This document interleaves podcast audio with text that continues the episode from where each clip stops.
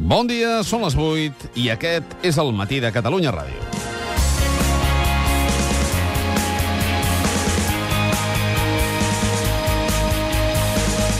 Dies després de l'ensurt del PP amb l'ingrés de Bárcenas a la presó, ara li toca al PSOE. L'exministra dels governs Zapatero i exconsellera d'Hisenda de la Junta d'Andalusia, Magdalena Álvarez, declararà com a imputada pel frau dels zeros en aquella comunitat.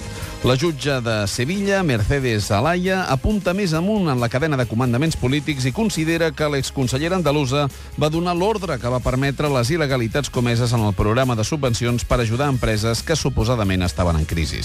Juntament amb Magdalena Álvarez, acusada de malversació, estan imputats una vintena de càrrecs del govern andalús. La jutge investiga el frau de més de 136 milions d'euros en les subvencions dels fons de regulació d'ocupació durant 10 anys del govern socialista, un frau que afecta tres conselleries. Magdalena Álvarez, la ministra més polèmica de Zapatero, va ser també una de les més altives, recordada sobretot a Catalunya per la gestió que va fer de la crisi de Rodalies, per aquella lamentable administració de les incidències de Renfe coincidint amb l'entrada de l'AVE a Barcelona i va haver manifestacions perquè demanés que dimitís.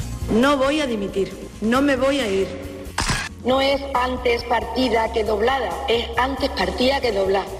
Porque nosotros tenemos nuestra propia forma de expresarnos.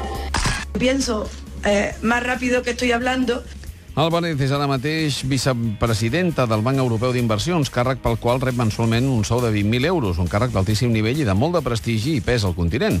El Banc Europeu d'Inversions és qui finança projectes econòmics a través de crèdits a llarg termini.